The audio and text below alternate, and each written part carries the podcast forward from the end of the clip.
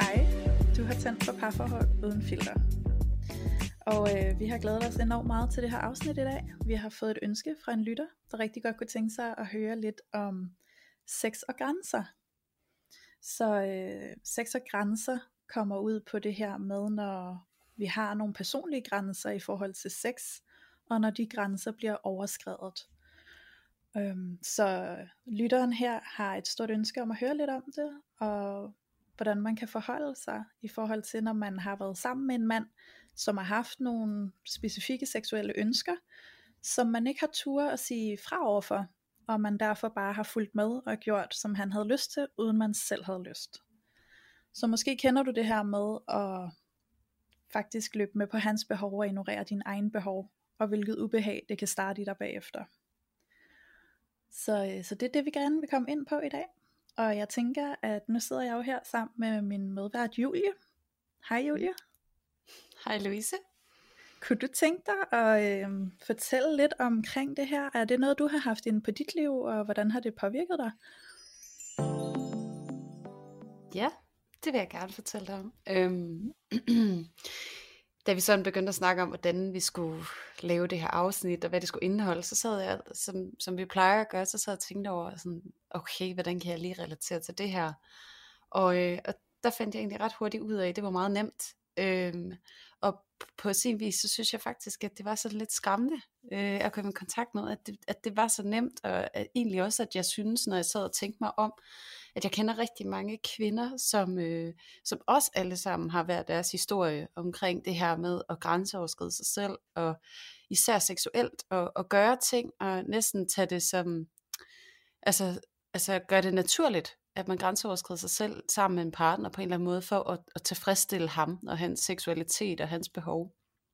Øhm, Ja, og så sad jeg og tænkte, øhm, ja, så, så må jeg mærke lidt ind i, hvor, hvor kommer det her fra øh, i mit liv? Hvordan kan jeg selv personligt relatere til det her? Og øh, faktisk, da jeg blev færdig på min seksologuddannelse, der lavede jeg jo en øh, større opgave, og den handlede faktisk om øh, en usund symbiose. Og, øh, og den her usund symbiose, som jeg beskriver i den her opgave, det, det kommer så faktisk rigtig meget af den her fortælling om lige præcis det her i mit liv. Fordi at øh, jeg har, tror jeg faktisk helt siden, at øh, jeg var en lille øh, ung pige, som skulle til at i gang med at udforske min egen seksualitet, øh, grænseoverskrevet mig selv helt vildt meget. Og øh, som det jo gør med så mange af de ting, vi to vi taler om her, så handler det jo faktisk også om, om mere, øh, og stikker meget dybere, end hvad man lige umiddelbart tror. Og, øh, og jeg fik øje på, at grunden til, at jeg var så villig til at grænseoverskride mig selv øh, seksuelt som, som ung pige, det var faktisk fordi, at, øh, at jeg kom fra, fra Aarhus. Jeg var flyttet til Skanderborg. Og øh, der hvor jeg havde levet øh, i Aarhus, og den skole jeg havde gået på, og, og den, det liv jeg havde haft, det havde været ret hårdt. Jeg havde øh, jeg blev udsat for mobning, og havde ikke rigtig nogen tætte venner og veninder, og og så en dag får vi at vide, at vi skal flytte til Aarhus. Og, øh, og så tænker jeg, at det skal fandme være løgn, at det skal blive ligesom det var. Så, øh, så, så jeg tænkte, så, så må jeg lave en, øh, en karakterændring på en eller anden måde, fordi så, hvis jeg ikke er den, som jeg var før, som jeg tydeligvis ikke lykkedes med, så kan jeg jo prøve at være en anden, og se om det så virker bedre for mig. Det gjorde også, at jeg blev utrolig omstillingsparat, og øh, så da jeg fik min første kæreste, så, øh, så gik det allerede galt der, fordi at øh, der var åbenbart forskel på at være, øh, være ung i Aarhus og ung i Skanderborg. I Skanderborg, så skulle man, øh, og det ved jeg ikke, om du kan huske det udtryk, men der skulle man jo snave, altså. jeg synes stadig, det er simpelthen, det er simpelthen bare så ufin en måde at, at tale om øh, lidenskabelig kys på, men nok om det. ja. øh, men det skulle man altså. Det, og det var de seje piger, det var dem, der turde snave. Og, og det var ligesom de der piger, der var lidt villige og inde i varmen. Og, og jeg kunne mærke, at alt inde i mig bare skreg, det har jeg fandme ikke lyst til. Og så på den anden side, så havde jeg jo også givet mig selv lidt et løfte om, at det ikke skulle være ligesom det var før. Så jeg var jo ligesom nødt til at give lidt for at få lidt, ikke? Så, så, så min måde at, at gå ind i det på, det var faktisk at gøre noget, fordi jeg følte det her pres fra mine omgivelser. Så der hvor du også taler om, øh, om man kan mærke pres og nogle lyster fra en specifik kæreste i en specifik seksuel situation, der, der, der er jeg meget opmærksom på de øh, på det pres, jeg oplevede fra mine omgivelser, øh, som sådan et gruppepres. Og jeg kan også huske alt det her med næsten at miste mødt om, det var, det var altså næsten en konkurrence, det var. Der var sådan, ej, hvem har sex først, og med hvem, og det skulle være en af de store drenge, og altså det var sådan, der er, der er jo en hel kultur omkring at grænseoverskride sig selv, ikke? Øhm, og, øh, og, og den galej, den hoppede jeg altså bare med på, og, og jeg kan faktisk sidde nu øh, med hånden på hjertet og sige, at, at, at det forhold, øh, jeg er i nu, er øh, det første forhold i mit liv, hvor at jeg har øh, lært at respektere mit eget nej. Og elske mit eget nej fuldt og helt. Øhm, og, og en ting er, hvad jeg sådan kan være ked af, jeg har budt mig selv. Øhm, men noget jeg faktisk er endnu mere ked af, eller i hvert fald lige så ked af, det er, hvad jeg har budt de øh, mænd, jeg har været sammen med. Fordi en ting er, at jeg grænseoverskrider mig selv, men en anden ting er, at jeg lader en anden grænseoverskride mig. Øh, så jeg er jo faktisk også lidt, altså i min optik, så er jeg jo faktisk øh, medansvarlig i, at han bliver gjort til krænker. Øh, fordi at jeg må da også altså være ærlig at sige nu, altså her på bagkanten, jeg har jo ikke, øh, altså jeg har jo ikke, øh, jeg har jo ikke sagt fra, fordi at jeg selv var usikker, og selv havde en masse mindreværds følelser og frygt og alt muligt, som der skulle kompenseres for. Øh, og så blev det der nej bare en stor og farlig ting. Øh, så jeg gik bare med til for meget. Øh, og det som jeg har kunne mærke, det er faktisk, at jeg blev fuldstændig lukket ned øh, fysisk af det. Øhm, og det er jo det, der sker, fordi hver gang, at du går med til noget, øh, især noget seksuelt, som du bare kan mærke, det her, det er bare ikke, I'm not up for it, så laver du et overgreb på dig selv øh, hver gang, at du laver et overgreb på dig selv, så lukker du fuldstændig ned for din krop. Altså så lever du fra halsen op, øh, fordi at det simpelthen ikke er behageligt at være nede i den krop, når du ikke har behandlet den ret godt. Øh, og jeg er først nu her i en alder af 28 år, og, og med et barn, og det ene og det andet, begyndt at, at rydde op i det nu. Øh, og, og det er jo ikke fordi, at jeg ikke har haft lyst til at gøre det før, men, men simpelthen fordi, at det, tror jeg er så normalt et eller andet sted at grænseoverskride sig selv. Og der kunne jeg godt være lidt nysgerrig på, om du, Louise, kan genkende øh, det her, jeg taler om. Det her med, at der faktisk også er sådan en, nogle gange sådan lidt en forventning til, at man måske grænseoverskrider sig selv lidt for at passe ind, øh, som der er med så meget andet. Er, er det noget, du kan genkende? Ja, det er det helt bestemt, Julie. Øhm, jeg tror ikke, at der er ret mange af os, der kan frasige os, at vi på et tidspunkt har grænseoverskrevet os selv. Øhm, men, øh, men jeg har helt sikkert også erfaringer med at tillade sådan et form for overgreb på mig selv. Og det er en frygtelig følelse. Øhm, jeg tror, at som, som sådan ung teenage næsten, altså sådan i den der alder, hvor vi begynder at feste med det modsatte køn og sådan nogle ting, der tror jeg, det er meget naturligt, at vi ikke sådan helt kender os selv og vores grænser og behov og alt det her. Og vi kommer alligevel til at være i øh, en eller anden form for kontekst sammen med det modsatte køn, hvor vi måske får gjort nogle ting, der ikke føles behageligt, men det er måske lidt svært lige at vide, hvordan man siger fra, eller måske ved man ikke engang, om det føles rigtigt eller forkert, så man gør det bare alligevel, og så er det først bagefter, man kan mærke, at det var ikke rart. Øhm, og det tænker jeg er en, en naturlig proces i faktisk at komme til at lære sine egne grænser og behov at kende. Øhm, det jeg så ser, der sker, når vi bliver lidt ældre, det er jo så det der med, hvis vi så ikke har formået at lære af det til rent faktisk at begynde at sige nej. Men at vi faktisk er fanget i denne her følelse af, jeg bliver nødt til at gøre de her ting, hvis jeg vil øhm, bevare en position, hvor jeg føler mig elsket og accepteret. Jeg er simpelthen bange for, at hvis jeg ikke giver min mand, min kæreste, øh, den sex, han efterspørger, på den måde, han vil have den, øh, at, at så, så kan det være, at han er utro. Det kan være, at han forlader mig. Det kan være, at han synes, jeg er kedelig. Øhm, alle de her tanker, som kan være ganske, ganske frygtelige, hvis man ikke står stærkt i sig selv, og hvis man ikke føler sig øh, sikker i sig selv. Så, så den her usikkerhed, der simpelthen bare får os til at gå helt derud, hvor vi tillader øh, meget, jeg får lyst til at sige sådan grove oplevelser at ske for os. Øhm, og det har jeg også selv været øhm, skyldig i, har jeg lyst til at kalde det. Øhm, jeg har også været i et parforhold, da jeg var en yngre pige i starten af 20'erne, hvor jeg var en meget, meget usikker pige. Jeg var utrolig usikker, og jeg havde ikke rigtig evnen til at sige nej, eller sige fra. Øhm, det vigtigste for mig, det var ikke at blive forladt. Så der kom ligesom et lighedstegn mellem, at jeg måtte jo sørge for, at han var glad, og at han fik stillet sin behov. Og så måtte jeg jo tilsidesætte mig selv i det. Øhm, jeg havde eksempelvis en, øh, en oplevelse, et konkret eksempel, hvor at han efterspurgte noget specifikt, rent seksuelt, som jeg godt vidste, jeg ikke havde lyst til, for det havde jeg prøvet før med andre, og det var ikke noget, jeg var til, og jeg faktisk var klar til at sige nej tak, det har jeg ikke lyst til. Øhm, han siger så til mig, at han havde aldrig nogensinde prøvet det før, og han ville så gerne prøve, og hvad nu hvis, at han så aldrig kom til at prøve det, hvis ikke jeg ville. Og så startede alle de her røde alarmklokker op i mit hoved, for jeg tænkte, okay, med alt det han står og siger nu, så lyder det jo som om, at han har det her ønske, og hvis ikke, ikke han kan få det indfriet hos mig, så får han det indfriet et andet sted. Og det vil jeg jo ikke være ude i. Så jeg ender med at overgive mig og siger, fint nok, så lad os gøre det. Så har jeg ligesom givet dig det, at du får lov at prøve det.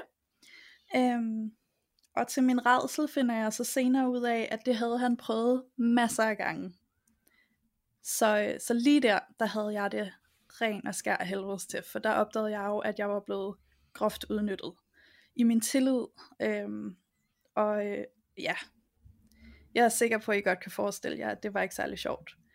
Øhm, og det var ikke den eneste oplevelse, jeg havde i det her parforhold. Og, og der kan jeg bare huske, at når jeg var der, jeg, jeg følte mig egentlig bare lidt død indvendigt.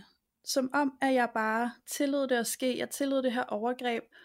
Og det, øhm, det er egentlig frygteligt, når man bare ligger der og venter på det overstået. Og, og som du siger, Julie, altså i virkeligheden gør man jo også ham til en krænker.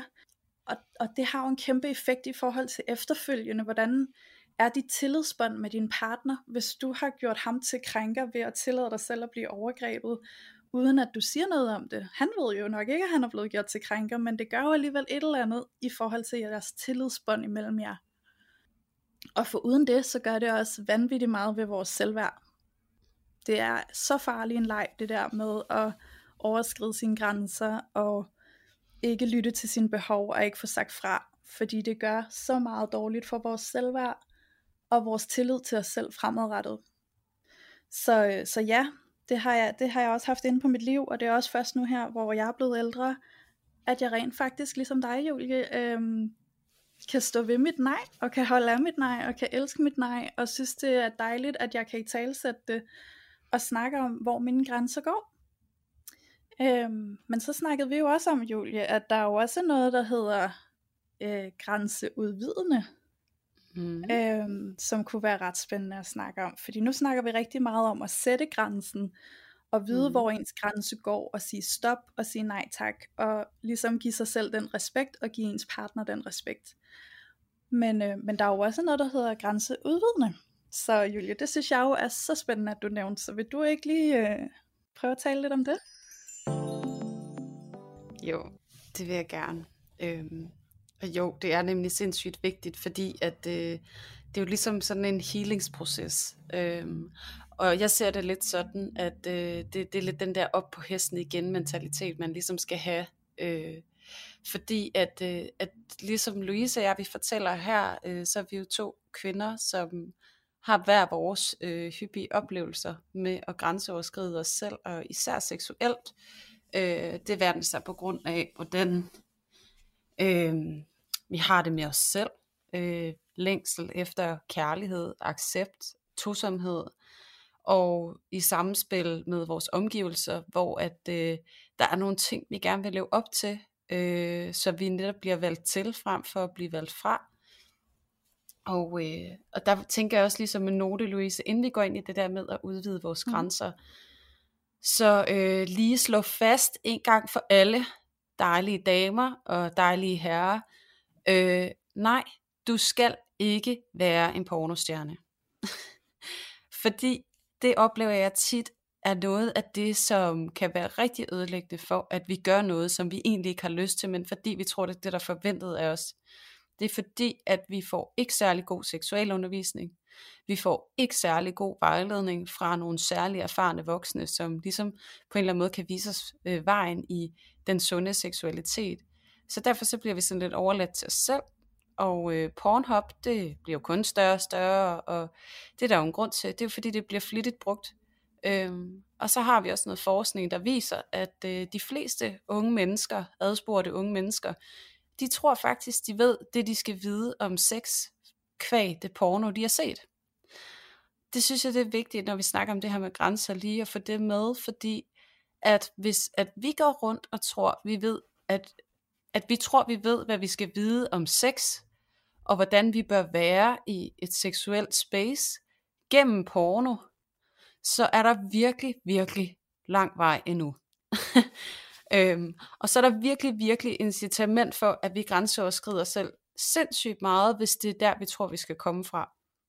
Så bare lige, inden vi, inden vi rykker videre til, til hvad, hvordan begynder vi at rejse os op, så, så, så vil jeg gerne invitere dig som lytter til lige at reflektere over, om du måske også sidder med den her overbevisning. Øhm, og især, altså nu, øh, det henvender sig meget til mændene, fordi vi ved, at det, det er hyppigere mænd, der ser på nogle kvinder, selv men kvinderne er også rigtig godt med efterhånden. Øh, men så også lige for at lave sådan en, en sidekick til, til kvinderne, øh, fordi jeg selv har, har i stedet for porno, så har jeg måske sammenlignet mig meget med øh, Hollywood-film, og øh, erotiske scener derfra, eller fortællinger, eller små ting, jeg har set hist og pist, øh, i forhold til, hvad for en type kvinde jeg skulle være. Det kunne være nogle smukke, øh, sensuelle kvinder i en eller anden film, eller J-Lo, eller whatever. Altså, hvad du har, som du har spejlet dig i på en eller anden måde, som noget du gerne vil være. Øh, prøv lige at mærke efter, om, øh, om det er der, du kommer fra. Om øh, det er de forventninger, du faktisk har til dig selv. Øhm, og så vil jeg gerne invitere dig til at være nysgerrig på, om det er sandt, at du skal være sådan, eller øh, om der faktisk er noget andet, som vil være mere behageligt for dig, og så vil jeg også gerne som tillæg til det, næsten garantere dig for, at når du slipper dine forventninger om, hvem du skal være, sammen med din partner inde i soveværelset, så bliver dit sexliv markant bedre, fordi at det begynder at komme fra dig, i stedet for at komme fra, det er noget, du tror, du skal være. Så bare lige for at få det på det rene, Louise. Ja, jeg, er tænker, at du er... Ja, ja, ja. fordi det, det er bare den der med, hvor starter vi henne, ikke? Øh, hvis vi skal snakke om, hvor vi gerne vil hen, så er det vigtigt ligesom, at vi finder ud af, hvor søren vi starter, fordi at jeg ved, at jeg selv havde alle de her forventninger, og den her præstationskultur, som vi hører så meget om, den bor altså rigtig meget i vores seksualitet og i vores sexliv, og ligesom at vi tager alt for meget på os med studier og arbejde og øh, øh debatgrupper og alverdens ting, og Instagram skal være perfekt, ligesom at vi tager rigtig meget på os i vores øh, i resten af vores hverdagsliv, så gør vi det altså også i vores sexliv. Øh, og ligesom vi grænseoverskrider os selv i vores hverdag ved at, at tage alt for meget på, fordi vi skal være så perfekte, så prøv at overføre det til dit sexliv, og så se om du kan genkende noget af det der også. Fordi det skal bare manes helt til jorden. Øh, og det, jeg vil næsten sige, og det, det kan godt være, at jeg er farvet af, at jeg er seksolog, men jeg vil næsten sige, at afmontere præstationskulturen i soveværelset er langt vigtigere, end at gøre det ude i resten af dit liv. Fordi når du grænseoverskrider dig selv for at præstere intim med et andet menneske, så laver du det største overgreb på dig selv. Du er så dybt inde i din intimsfære. Du tager noget, der er så intimt og sårbart, og eksponerer det for præstation. Det koster altså. Ja, og er det ikke også, altså er det ikke også i virkeligheden rigtig meget en helhed, så hvis vi gør det der, så vil det uagtet også ske rundt omkring i vores hverdag, at der er så mange områder i vores liv, hvor vi ikke lytter til vores egne behov, men hvor vi bare gør, hvad andre forventer af os, uden at tænke over, om det er noget, der gavner os selv. Jo, 100 procent. 100 procent. Fordi at det er jo også tit der, hvis vi starter der, hvor det gør allermest ondt, så er det også der, det kommer til at give allermest øh, ud i resten af, af de forgreninger, vi har i vores liv. Og, og jeg tænker, at et af de steder, hvor det gør mest ondt, hvor det er allermest sårbart, det er i vores seksualitet, i vores intime space, hvor vi skal vise os helt nøgne, øh, både bogstaveligt, men også i overført betydning. Så, så helt sikkert. Ja, og så synes jeg egentlig også, en ting, jeg gerne vil bringe ind lige her, jeg synes er aktuelt, det er den her følelse af, nu siger du, vi er her, det er intimt, vi er nøgne, øhm, det er vores inderste kerne. Øhm, der er altså også bare det her element i, at, at når vi træder ind i den zone, hvor vi nøgne, vi skal til at være seksuelle, øhm, der sker noget med os, fordi nu er vi bare ikke civiliseret på samme måde, som man ellers plejer at være ude i hverdagen, når man har sit tøj på, og man ligesom øh, opererer inden for nogle sociale og accepterede rammer, men at man lige pludselig skal til at slå sig lidt løs, og rive sig lidt løs, og måske være sådan lidt uciviliseret. Øhm, og det, det synes jeg er vigtigt også at tænke på, at det er altså en naturlig ting, øh, en, en naturlig del af sex øh, mm. som, som der skal blive plads til at acceptere. Sådan, okay, så nu slår jeg mig lidt ud, er lidt, lidt anderledes, end jeg ellers er til hverdag. Jeg, jeg må gerne slippe denne her meget dannede sådan, øh, kuppel, jeg måske ellers skal rundt under i min hverdag sammen med andre mennesker. Ikke? Øhm, mm. Fordi det synes jeg egentlig også er noget, der nogle gange kan være en forhindring, når man så er der. Øhm, og så synes jeg, det er så relevant, det der du siger, Julia, med ligesom at, øh, at billedet af porno og af Hollywood-film, ikke? fordi øh, alt efter hvem man er, så er det jo ikke sikkert, at man i høj grad har adgang til at snakke om sit sexliv med sine veninder eller andre. Øh, og derfor så får man måske meget sjældent et billede eller lidt indtryk af, hvordan ægte sex foregår. Og hvis man kun har det her Hollywood eller pornobillede at læne op af, jamen så bliver der så mange misforståelser, ikke? Så jeg kunne godt tænke mig også bare sådan helt lavpraktisk, prøv at høre, når I er færdige med sex, så er det helt normalt, at din kæreste skal ud og hente papir til dig, og du skal ligge i en eller anden akavet stilling og gribe, hvad der ellers er på vej ud igen. Og det er super mm. vigtigt, at du ikke bliver liggende, ligesom i en Hollywood-film, og tror, at her ligger jeg bare og slapper af og ser mega sexet ud, efter vi har haft sex. Nej, nej, det er sindssygt vigtigt, at du ligger på toilettet og tisser og sørger for, at det der kommer ud igen. Fordi ellers så står du ja. måske over for en blærebetændelse, og det er ikke særlig sjovt. Så øh, det vil jeg bare lige øh, rive plasteret af at sige, hvis ikke det er noget, du allerede er bevidst om. Tak fordi du siger det, Louise. det tror jeg, vi er mange, der egentlig kan blive lidt over. Sådan, ja, det er også akavet herhjemme. Ja, det kan også godt være lidt uschammerende herhjemme. Og uh, when you play dirty, it gets messy. Det er i hvert fald det, min kæreste siger. Og så altså, også igen, hvis vi lige skulle tage filteret af vores eget parforhold, som vi jo uh, så sætter en ære i at gøre fra tid til anden, ikke? Så, så siger min kæreste altså også til mig, at nogle gange, så vil jeg ønske, at det var i orden at optage dig. Fordi altså, det her, det, det kan godt ligne lidt en eksorcisme herhjemme. Altså, det, det er virkelig ikke ret pænt, men det er godt nok dejligt. Ja. og det tænker jeg bare, det er, sådan et, altså, det er et fint perspektiv at have med, fordi prøv at høre, altså, når vi nyder noget, og det bare er møg lækkert, altså, så skulle vi helst gerne ikke tænke så meget over, hvordan vi ser ud. Fordi prøv at høre, det er faktisk en af de største årsager til, at folk ikke kan få orgasme, eller mm. få den op at stå. Det er bare præstationsangst. Ja. Fordi de er så bange for, hvordan ser jeg ud, hvis jeg slipper kontrollen. Og søde, kære, dejlige lytter og, øh, og mænd og kvinder, hvis I gør det, altså jeres sexliv, det bliver bare optimeret gange tusind. Det vil jeg love jer, hvis I på en eller anden måde øver jer på at smide den her facade og de her forventninger til jer selv og jeres partner, bit by bit, så vil jeg love jer, at I får et sexliv, som, som porno aldrig nogensinde bliver i stand til at skitsere, fordi det er så øh, langt mere indfølende og dybt og voldsomt, end hvad man kan illustrere på en film. Øhm, og det kan godt være, at det lyder sådan lidt stort og, og alt øh, omfavnende, men, men det er virkelig, altså sex det er noget af det vildeste to mennesker kan generere med hinanden, og, og at pakke det ind i, at det skal være pænt, Øh, og, og, og sådan nogle, altså sådan øh, drømmescenarier, som hvordan pornofilm og sådan noget, det kan se ud, det, det er så ærgerligt, ikke? Fordi at, at, at herfra, hvor jeg står, så, så oplever jeg faktisk, at man gør det til meget mindre, end hvad det i virkeligheden er. Altså det, det, hvis man prøver at tænke over det, ikke? altså når vi har sex med hinanden, den akt, den kan skabe liv. Altså hvis du, hvis du er i gang med en akt, som kan skabe liv, så er du i gang med noget ret fucking vildt. Altså.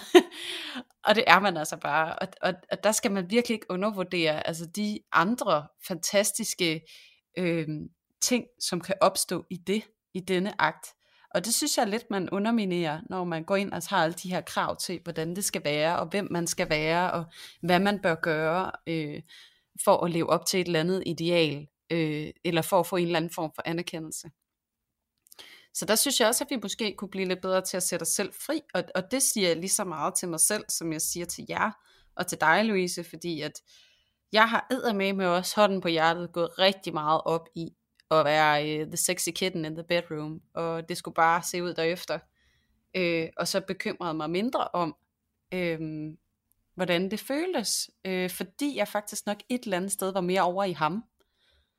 Øh, det var vigtigere for mig, at han synes, det vi lavede, det så godt ud, end at jeg følte, det var godt. Fordi at, at jeg på en eller anden måde havde en fortælling om, at hans tilfredsstillelse var min tilfredsstillelse. Og nu kom jeg sådan lidt over i et andet spor, men som jeg også synes er mega relevant. Og, og der ved jeg ikke, altså, det, det, jeg, jeg vil næsten sige 100%, at det kan du også kende, Louise, men det ved jeg jo ikke, om du kan, for jeg har ikke spurgt dig. Men altså, det er bare den her, jeg kender bare rigtig mange kvinder, der siger, ah, hvis bare du kommer, så er jeg også glad. Jeg bliver tilfredsstillet, du bliver tilfredsstillet. Kender du også det? Ja, det gør jeg, Julie. Så øh, alt, hvad du sagde lige der, det genkender jeg meget, meget godt. Øhm, når man igen tilsidesætter sig selv og sin egen nydelse, i håbet om, at nu skal han bare have det godt, fordi så er han tilfreds med mig. Øhm, og det er altså bare ikke altid det, som han ønsker sig. Øhm, fordi jeg ved fra, øh, fra flere mænd, jeg har snakket med, at deres ønske er jo, altså det der virkelig tænder dem, det er jo, hvis de kan se, at kvinden kommer. Hvis kvinden nyder det, så er det bare lækkert. Altså så er det der, hvor han virkelig kommer i ekstase, ikke? Fordi mænd er altså også påvirket, hvis de kan mærke, at du egentlig bare har et gameface på, og du bare ligger og, øh, prøver at gøre det godt for ham, men at du ikke selv er i det. Det er ikke det, han ønsker sig. Øhm, så øh, nu generaliserer jeg, der kan måske være nogle undtagelser, det skal jeg ikke kunne sige, men, øh, men, men så det synes jeg er ret interessant, og efter jeg ligesom lærte at komme i kontakt med det, der har jeg været i stand til at give mere slip på mig selv, og give mig mere hen til, hvor vigtigt det også er for ham, at jeg nyder det, for det giver ham noget. Så, så, så på den måde er det blevet vendt rundt, øh, på en rigtig positiv og, og god måde, det her med sådan, ah, okay, så min nydelse er jo faktisk en win-win situation, situation både for mig og for ham, ikke? Altså, mm. øhm, og sætte fokus lidt på det i stedet for, og faktisk se, at det der spil, som jeg som kvinde ellers kunne have lavet, det var faktisk ikke til fordel for nogen af os. Nej, lige præcis. Fordi den der act der, den bliver så påtaget, og den bliver så... Øh hvad kan man sige, anonym. Øhm, og det er jo ikke det, vi søger, øh, når vi søger hinanden. Vi kan godt, jo, mange kan godt møde sin liderlighed og være liderlige på hinanden, og også øh, onanere på hinanden, som jeg kalder det, når vi mødes med det formål at få en, en udløsning eller en forløsning mm. i et eller andet format. Men, men det der med at møde et menneske, altså helt intimt, det, det kan noget andet. Og så tænker jeg bare lige, altså her i forlængelse, nu snakker jeg om porno, ikke? Hvis vi lige prøver at tænke over det, så noget af det mest søgte porno, det er faktisk amatørporno. Og altså, det giver jo næsten sig selv, at amatørporno, det er i mig væk mere realitetstro end øh, gavede porno øh, øh, skuespillere, som har gjort det i mange år, ikke?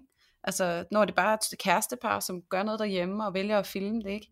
Så der er jo også et eller andet, tænker jeg, samfundsmæssigt, hvor at, at vi søger noget autenticitet i det sex, vi skal spejle os i på en eller anden måde, fordi at det faktisk dybest set måske er det, vi længes efter.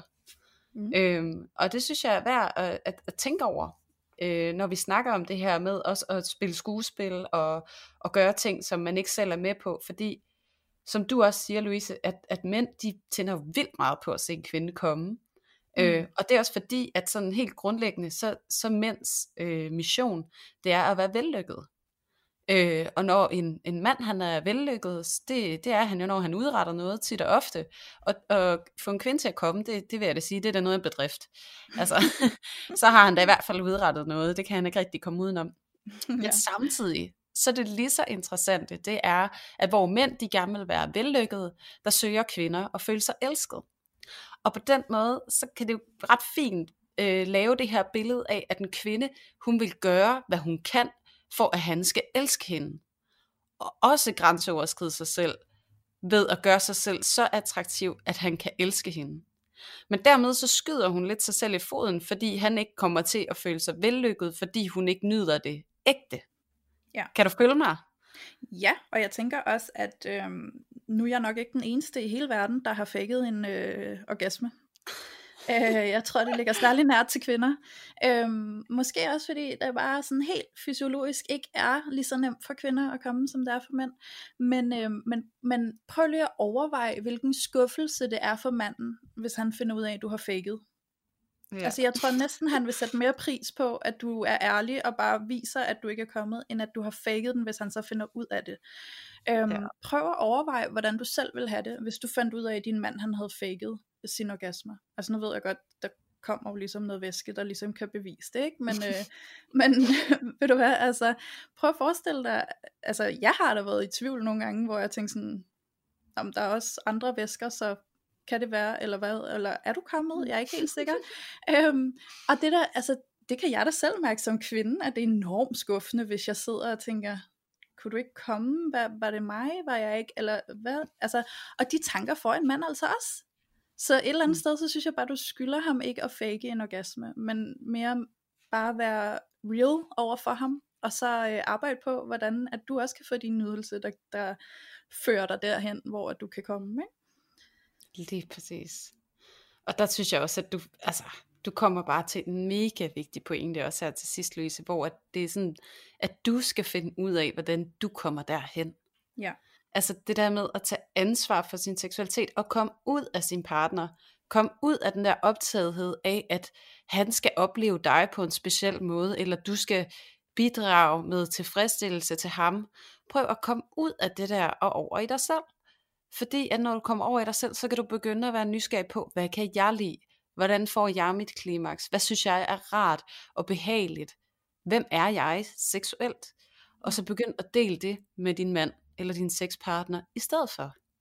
Altså det der med at komme ud af ham og hans nydelse, give ham ansvaret tilbage for det, og så tage ansvar for din egen, fordi hvis I to mennesker, I nyder jer selv og hinanden sammen, det, det kan altså ikke øh, på nogen måde øh, altså, det kan ikke toppe noget. Det, det, det bliver ikke bedre end det. Men det kræver altså, at vi tager ansvar. Og så, Louise, nu gik vi jo over i det der med grænseudvidende, og så kom vi helt fra det igen ja, jeg tænker næsten... til det. ja, fordi at nu, altså vi, også, vi, vi når et punkt stille og roligt, hvor vi begynder at runde af. Og, mm. øhm, og nu har vi snakket rigtig meget om, øh, hvordan det er at være der, hvor man ikke får sat grænserne, og hvordan det kan se ud, og hvad det kan handle om, og hvad vi godt kunne tænke os i stedet for. Øh, og så sidder man nogle gange og tænker, det kan jeg i hvert fald opleve, når jeg hører nogle gode råd, eller nogle gode podcast, eller indslag omkring det her, så er det sådan lidt, okay, jamen, hvordan gør jeg det? Og hvad er grænsen? øh, mellem at sige nej og sige ja, altså sådan, og der er jo også alt muligt, altså debat om samtykke og erklæringer, alt muligt lige nu, fordi det her, det er bare mega svært. Øh, og samtidig så snakkede jeg med min kæreste om det her i går, og så sagde han også, skat, jeg synes, at det er mega spændende og mega relevant, men det kan sgu også lyde sådan lidt, som om man bare skal lukke benene sammen og bare sige nej. Øh, og det kan jeg også godt følge ham i, fordi at at det er jo også noget af det budskab, vi kommer med, det er, hvis du kan mærke nej, så sig nej. Og ej dit nej, og stå ved dit nej, for det er fandme i orden at sige nej. Øh, men det, jeg, jeg prøver, jeg sammenligner det altid lidt med, at det, det er ligesom at være kredsen. Du har smagt noget mad en gang, og øh, det var virkelig ikke ret lækkert, og du ved bare med dig selv, det der, det kan jeg bare ikke lide. Jeg, det, jeg ved det, jeg har smagt det før, det, det, føj, det, jeg kan bare ikke lide det. Øh, og der vil jeg gerne invitere dig til at sige, at jeg kunne ikke lide det dengang. Og jeg kunne ikke lide det på den der måde. Måske kan jeg lide det på en anden måde. Øh, så det der med, det handler ikke så meget om, hvad det er for noget mad, du får serveret. Det handler meget om, hvordan det er tilberedt. Og hvor du selv er øh, på det tidspunkt, hvor du har prøvet det. Øh, så jeg tænker, i takt med, at vi altså inviterer til at være øh, mere kærlige, og imødekommende over for vores nej, så også være mere nysgerrig på, jamen, øh, når jeg siger nej, hvad er det så, jeg siger ja til?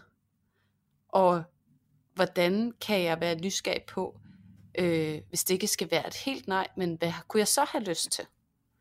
Øh, og der herhjemme øh, i vores parforhold, der, vi kan jo også godt lide at, at prøve nogle forskellige ting, og lære hinanden og os selv at kende. Men, og der kan, der kan jeg godt personligt have det sådan lidt stramt med at skulle sige, ej, det har jeg ikke lige lyst til, eller have en lang dialog omkring dem i akten måske, for det, det kan godt blive sådan lidt forstyrrende for os i hvert fald, og det kan være lidt anderledes for jer derude, eller for dig, Louise. Men, men der kan vi godt lide at bruge ordet gul og rød. Og det er der, hvor vi snakker om at gøre tingene grænseudvidende, i stedet for grænseoverskridende. Fordi hvis jeg siger plain no, øh, så er han lidt ligesom hands off, så kan han ikke rigtig gøre mere fordi nu er der bare sagt nej. Øh, så vi navigerer med gul, hvor et gul det kan være, øh, det du gør lige nu er ikke særlig rart, øh, du, men du må godt prøve noget andet. Og rød, det er bare stop med alt, hvad du laver. Fordi lige nu, så har jeg noget ubehag eller noget, og jeg kan mærke, at jeg kan ikke mærke mig selv i det her, vi laver lige nu.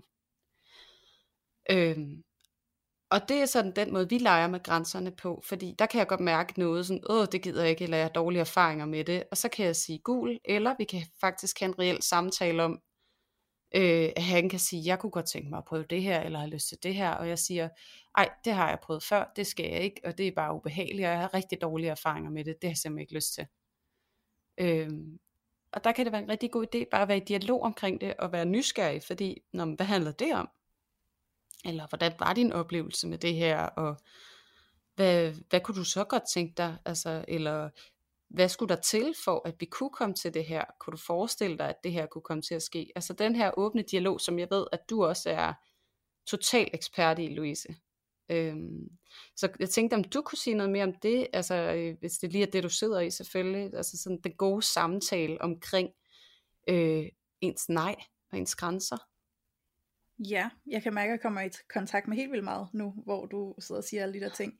Så jeg har lyst til at adressere det her med at udvide sine grænser. Øhm, spejlet ind i mig selv, det her med at, øh, at udvide sine grænser, for mig er vigtigt, at det er noget, der sker i en tryg ramme.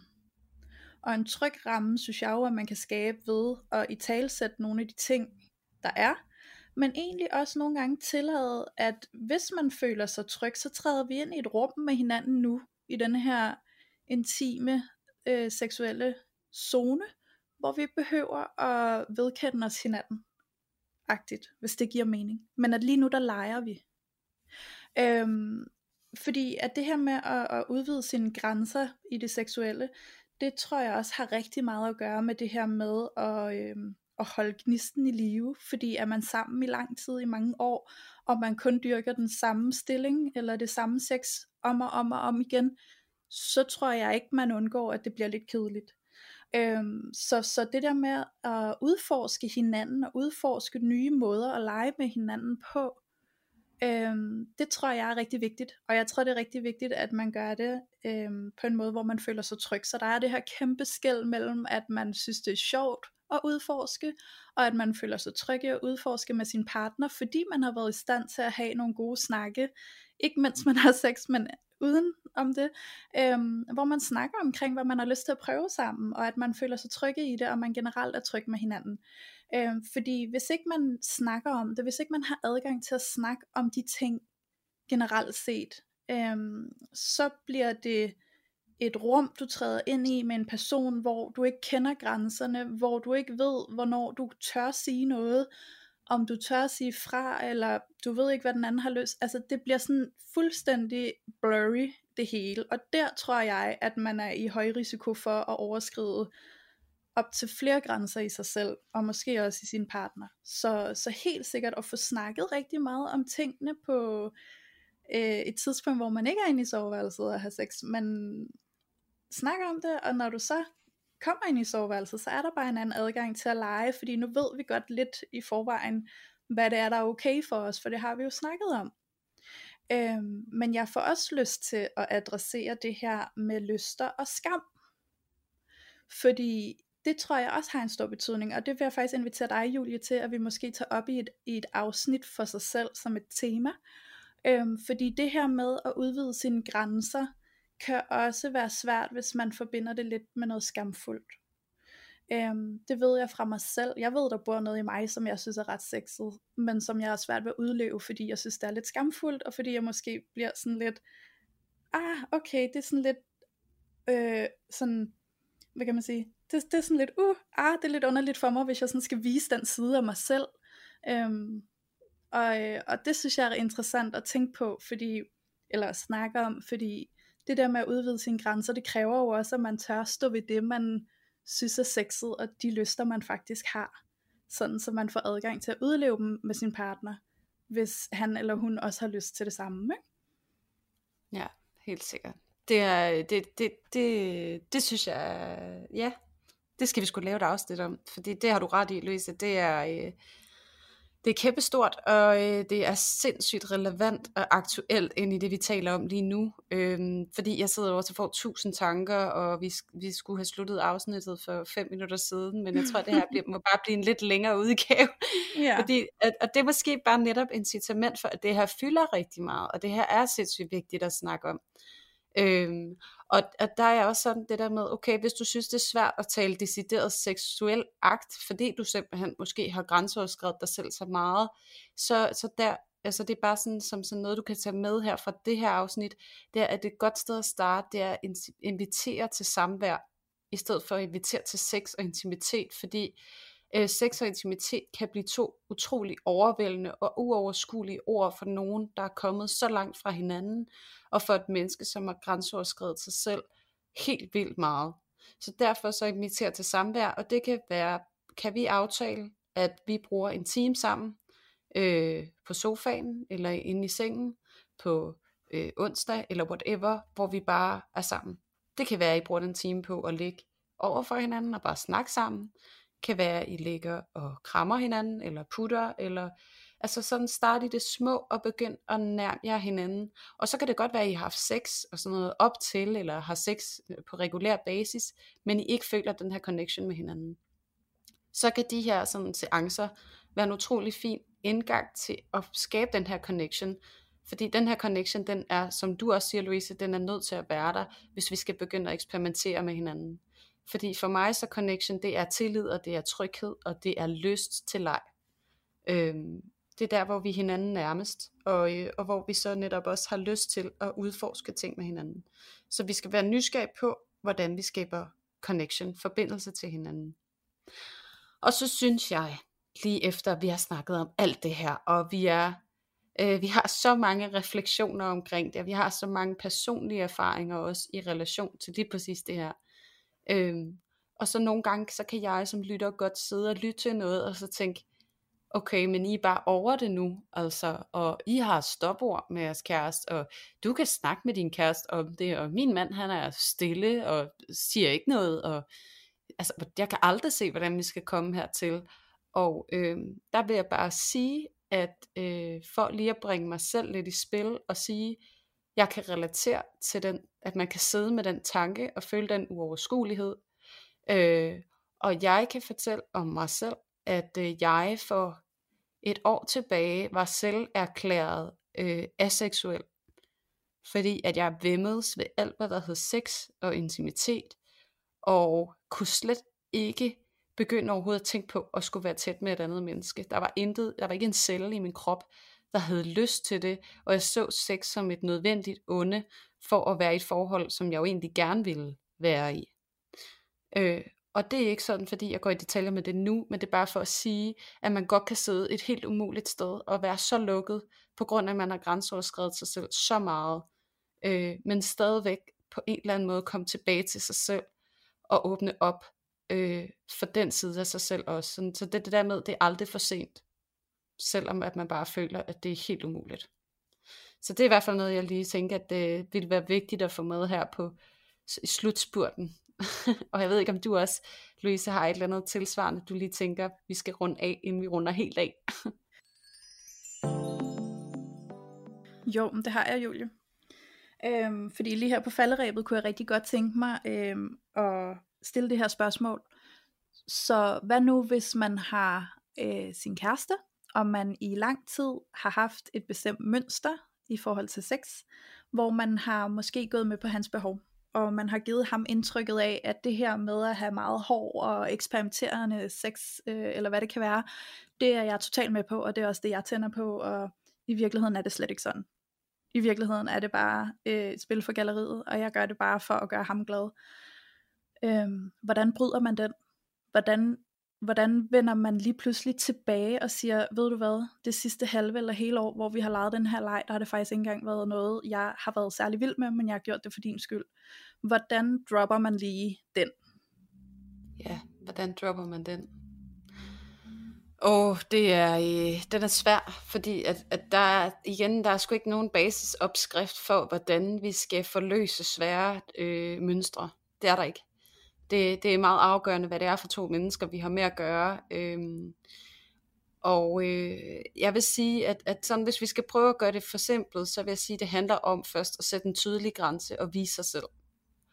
Øh, den her øh, kvinde, som, øh, som vi taler øh, implicit om, den her henvendelse, vi har fået fra en lytter, som er en kvinde, øh, har åbenbart gået med til for meget over for lang tid. Og øh, der vil jeg bare invitere hende til at være ekstremt modig og sætte sig ned med sin kæreste uden for soveværelset. Uden for, øh, altså i et neutralt space på en eller anden måde. Det kan være, at de sidder og spiser sammen, eller de er ude og gå en tur, eller whatever. Øh, og sige til sin kæreste, ved du hvad, jeg har noget på sinde, og det har jeg haft i noget tid, og jeg er faktisk helt vildt bange for, hvad der sker, når jeg fortæller dig det her, men jeg føler, at jeg er nødt til at fortælle dig, hvad det er, der sker inde i mig. Ja. Og så handler det om at bare stå ved sig selv og eje sig selv og sætte en meget tydelig grænse. Og hele tiden blive på sin egen banehalvdel. Fordi at det er også det der med, at vi skal huske, at vi lader os grænseoverskride. Og især ind i et parforhold. Altså med mindre vi taler om en sociopatisk kæreste, som yder psykisk vold og fysisk vold, og ligesom altså, decideret grænseoverskrider os så, så er det faktisk som oftest i de mange tilfælde, at vi grænseoverskrider os selv på de her daglige basis, øh, hvor vi går med til ting, som vi godt kan mærke, vi ikke vil, men som vi gør, fordi vi så gerne vil tilfredsstille vores partner. Så det er at turstå nøgen i overført betydning, og stå som vi er, med det nej vi har, og vi skal lære at elske vores nej, for at han kan elske os. Så det er jo altså tilbage til den der med at elske sig selv, og være kærlig mod sig selv, og yde noget selvkærlighed, og koste hvad det koste vil et eller andet sted, at vi må ikke være så afhængige af andres kærlighed, at vores egen den bliver ubetydelig i den proces. Ja, og jeg tænker, at det i virkeligheden handler om at komme til erkendelse, øhm, og gøre det som, som et vigtigt træk for jer begge to. Og jeg forstår godt, hvis man kan have tanken om, tænk hvis han bliver vred nu, eller tænk hvis han bliver skuffet, eller hvad, hvad der nu kan komme af reaktion, man er bange for at møde. Men, øh, men der, der vil jeg give dig ret, Julie, det handler simpelthen bare om at komme frem på den mest øh, empatiske måde, du overhovedet kan. Øh, fordi jeg tror, hvis du møder ham i den empatiske tilstand, og bliver på din egen banehalvdel og udtrykker, hvorfor du har gjort det, og du har gjort det af bedste hensigt, men at du nu ser, hvordan det har brug for at forandre sig.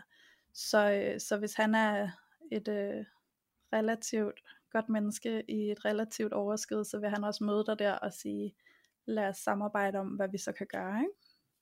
Lige præcis. Og det er også ja. noget, der er så vigtigt at få med i det her, det er, at du skal være så forsigtig med, at du ikke gør ham forkert. Ja.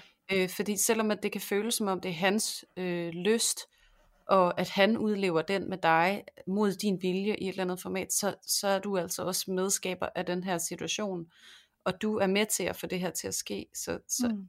pas nu på med ikke at komme til at frelægge dig ansvaret og gøre ham forkert, fordi det er sikkert også øh, sårbart for ham, fordi der er ikke nogen mand, øh, som elsker en kvinde, som har lyst til at få at vide, at han er en krænker. Øh, så jeg vil bare invitere dig til at så være øh, nysgerrig på og opmærksom på, hvordan du kan kommunikere det her uden at give skyld.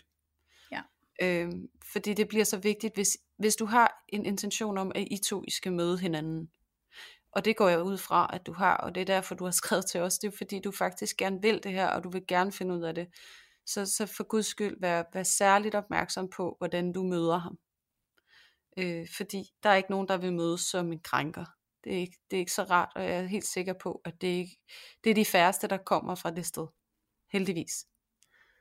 Ja, og så tænker jeg, at øh, den lille sidste kommentar, jeg vil knytte til det her spørgsmål, det er, at der blev spurgt, hvad gør man, hvis man har fået opfattelsen af, at alle mænd vil det samme. Alle mænd vil have sex på denne her måde.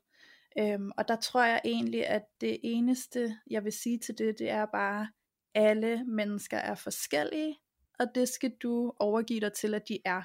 Så næste gang du møder en anden mand, øh, så vær nysgerrig på at se, hvem han er, i stedet for at gå ind med en overbevisning om, at han selvfølgelig er ens med ham den anden, der kunne lide det her. Øh, vær nysgerrig, tillad at lære ham at kende, tillad ham at vise dig, hvad han kan lide, uden at du overfører dine vaner fra sidst til noget nyt. Lige præcis. Og som en rigtig, rigtig sidste vigtig kommentar til det her, så vil jeg minde hende om, at du tiltrækker der, hvor du selv er. Så hvis du ikke får sagt dit nej i den her relation, så vil du formentlig tiltrække en, der kommer til at udfordre dig på det igen. Og det kan også være noget af det, der har været medskabende til, at du oplever, at alle mænd vil det her. Det er fordi, du ikke har fået sagt det nej endnu, der gør, at du ikke stopper med at tiltrække de her mænd, som vil udfordre dig på det her nej. Så det er bare endnu mere en opfordring til at få sat din grænse for dig selv og for din partner, og lær at elske dit nej. Øh, fordi at jo før end du gør det, øh, så vil du ikke møde en mand, som, som kan elske dit nej. Hvis ikke du selv kan, så kan han heller ikke. Og, og, og øh, kære dig, som har skrevet det her spørgsmål, øh, jeg tør godt sige, at jeg ved, hvad jeg snakker om, fordi jeg kan genkende det rigtig meget i mig selv, og øh, jeg har først i en alder 28 år lært at elske mit eget nej, og respektere mit eget nej. Og det er også første gang, at, øh, at jeg er et sted i mit liv, hvor at jeg har ro med det og fred med det. Og at jeg virkelig har fundet ud af, at det her, det skal komme fra mig. Så hvis ikke at du gør det her nu, så er sandsynligheden for, at du tiltrækker en mand, som vil noget tilsvarende, rigtig stor. Og dermed så kan du nemt komme til at sidde tilbage med en oplevelse af, at alle mænd de vil det her, fordi det er de mænd, du tiltrækker. Så, øh, så prøv at have det med i din refleksion, og måske bruge det lidt som en motivation for, og så få øvet dig på det her, og gå ind i den her rejse med dig selv, hvor du skal lære at sætte det her kærlige og tydelige nej for dig og for din partner. Ja, mm. fedt Julie. Rigtig, rigtig god afrunding. Øhm, mm. men øh, så tænker jeg, at øh, vi runder af her, og til slut så vil jeg jo selvfølgelig sige, hop ind i vores loge, som du er meget velkommen i. Vi har en logegruppe inde på Facebook, der hedder Parforhold Uden Filter, Logen, som du er velkommen til at søge medlemskab i.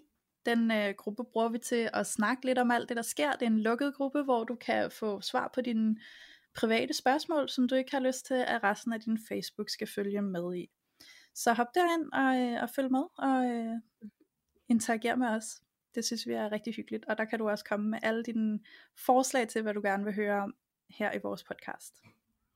Lige præcis. Og nu fik ja. vi jo et spørgsmål øh, med fra en lytter i dag, og øh, ja, det gør det altså kun sjovere for os, og forhåbentlig også meget mere udbytterigt for jer. Så øh, smid nu endelig øh, noget efter os. Øh, vi elsker det, og vi elsker simpelthen at få jer med i det, vi laver, så det bliver allermest meningsfuldt for os alle sammen. Så Lige tak for det. Tak for det. Og tak for i dag. Tak for øh, i jo. dag, Julie. Det har været rigtig spændende. Ja, selv tak, Louise. Det har det godt nok, og det er godt nok trukket ud, så øh, der, I har lidt mere lækkert at lytte til den her gang. Vi håber, ja. det går. Lad os sige det på den måde. det godt, men øh, så siger vi farvel for i dag. Det gør vi. Hej hej. hej.